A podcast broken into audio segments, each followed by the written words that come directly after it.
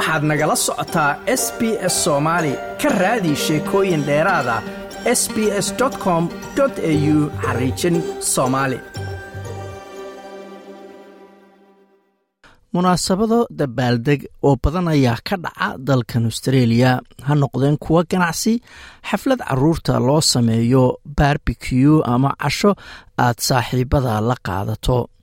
Inteenna badan ugu yaraan mid ayaanu ka qayb galnaa sannadkiiba inkastoo australiyaanka caadiyan ay leeyihiin dhaqan ah ha isdhibin ama si dabacsan wax walba u eega.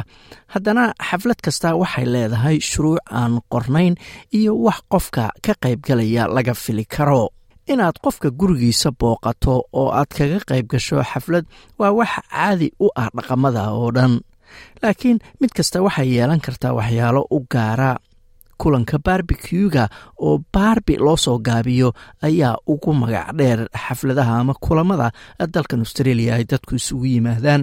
Sarife hadi waa madaxa iskuulka aadaabta waxayna sharaxaysaa barbeque wax uu yahay.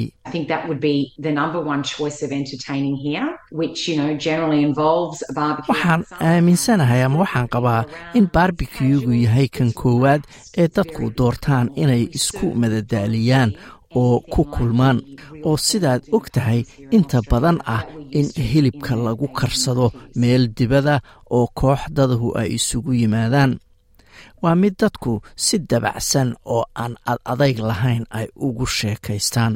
Lama mid ahaa cashooyinka rasmiga oo dhar gaara dadku u soo xirtaan sidii dhici jirtay siddeetameeyadii iyo sagaashameeyadii. Inkasta oo cashooyinka rasmiga oo xataa sida qaadada mindida iyo fargeetada loo isticmaalo ay shuruuc gaara lahayd aysan hadda badnayn adaabta xafladuhu weli door lixaad leh ayay leeyihiin markaa marti kuu timaado. Ha noqoto inaad martigeliso barbeque ama casho guriga gudihiisa lagu cuno inaad noqoto martigeliyo fiican.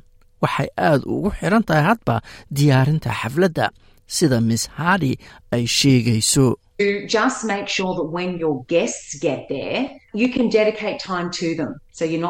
waa inaad hubiso in markaa martidu timaado aad wakhti la qaadato oo aadan jikada uun ku jirin ama aadan markaas miisaskii diyaarinayn. Waa in cabbitaankii kuu diyaar yahay oo aad si fiican u soo dhowayso dadka lana sheekaysato.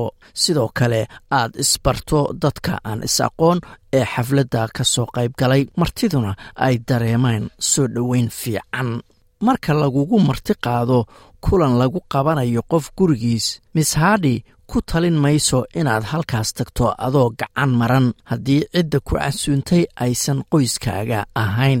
Sam sharma waa aasaasaha ahna madaxa overseas students australia uuna ku raacay inay tahay inaad waxgeyso xafladda.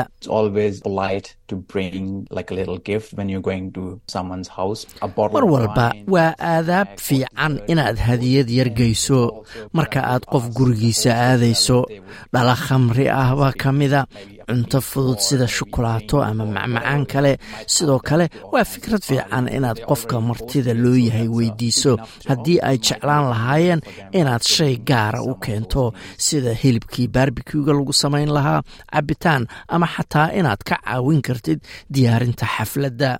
Waxyaalaha kale ee caadiyan ixtiraam kale oo ay tahay inaad xasuusato waa inaadan soo daahin inaad ogaato in labis gaara xafladda lagu imanayo iyo in kale inaad caawiso qofka martida loo yahay intii tabartaada ah.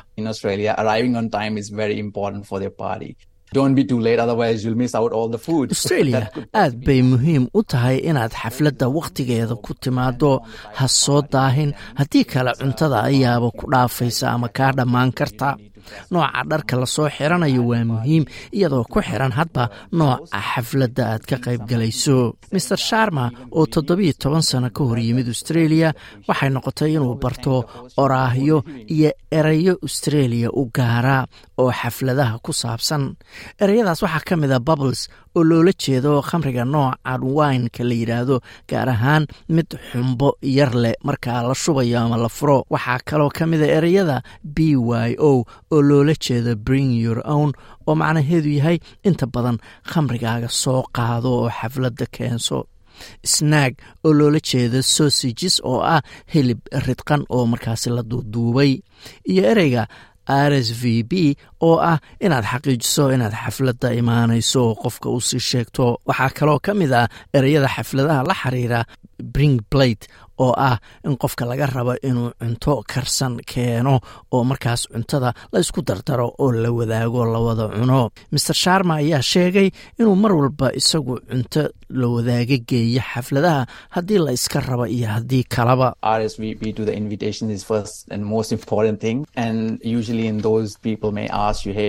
R s v b oo ah inaad ka jawaabto oo xaqiijiso inaad imanayso martiqaadka waa shayga ugu horreeya oo ugu muhiimsan.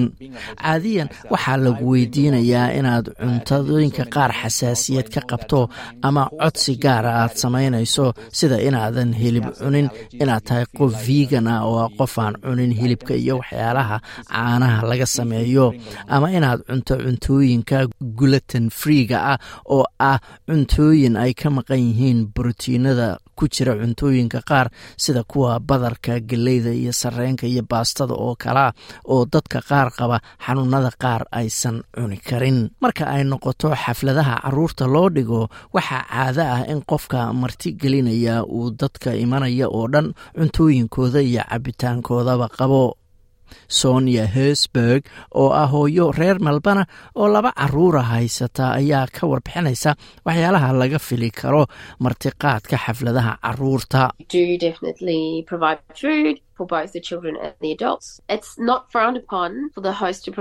waa shaki la'aan inay tahay inaad cunto siiso carruurta iyo dadka waaweynba oo xafladda imanaya ma aha wax la yaab leh in qofka martigelinaya xafladda uu markaasi bixiyo ama keeno cabitaanada xafladaha sida khamriga waynka la yidhaahdo qofkii aan cabbi karin khamrigaasna sida haweenka uurkale la siiyo cabitaano kale. Dadka waa in la weydiiyo waxa aysan cuni karin si loo hubiyo in waalidka caruurtu og yihiin waxa caruurtoodu cunayaan ayay tiri. Laakiin waalidka martigelinaya xafladaha ma aha inay ka badbadiyaan oo qarash badan galaan. Waa inuu noqdo mid ku habboon carruurta oo qiimo macquul ah sida ay sheegayso miss hersberg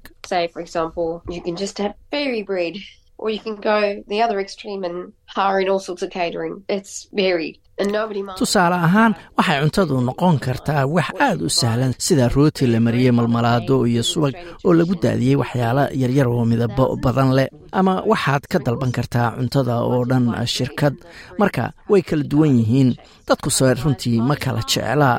Ma arkin qof ka xumaaday waxa la siiyey.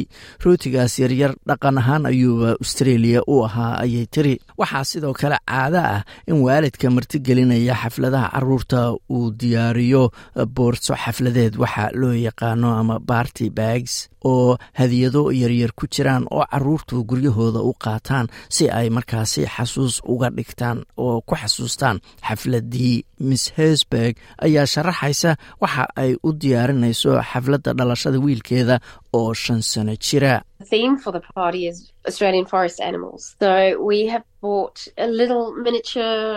Xafladda waxaa astaan u ah xayawaanka duurka.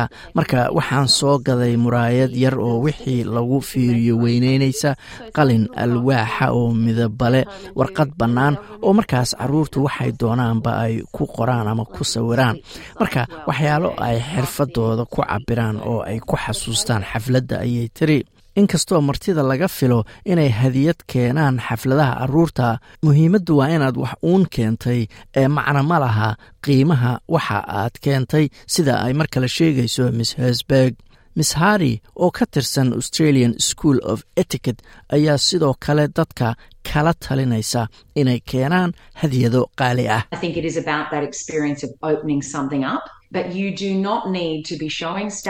Waxay ila tahay in waxa la rabo ay tahay in la furo shayga hadiyadda uun laakiin uma baahnid inaad muujiso matalan inaad tujaar tahay ama qof ladan oo aad soo gado hadiyad aad qaali u ah. Caruurta waxaas ma kala jeclaa sidoo kale ma doonayno in dadka kale ay dareemaan in iyagana laga doonayo hadiyad qaaliya inay soo gadaan taasi dhaqan fiican ma aha ayay tiri hase yeeshee miss hardi ayaa sheegaysa in xafladaha qaar ay leeyihiin shuruuc ad adag sida xafladaha ganacsiga kuwa businesska la yiraahdo.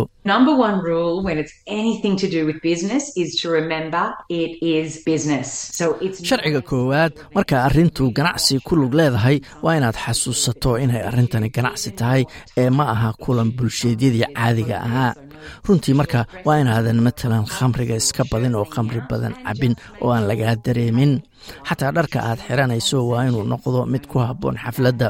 Dhar gaagaaban oo jirkaagu muuqdo ma habboona ayay leedahay.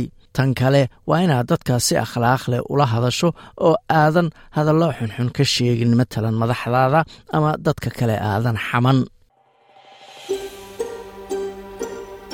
Ma doonaysaa sheekooyinkan oo kale ka dhegayso apple podcast google podcast spotify ama meel kasta oo aad bodkastigaaga ka hesho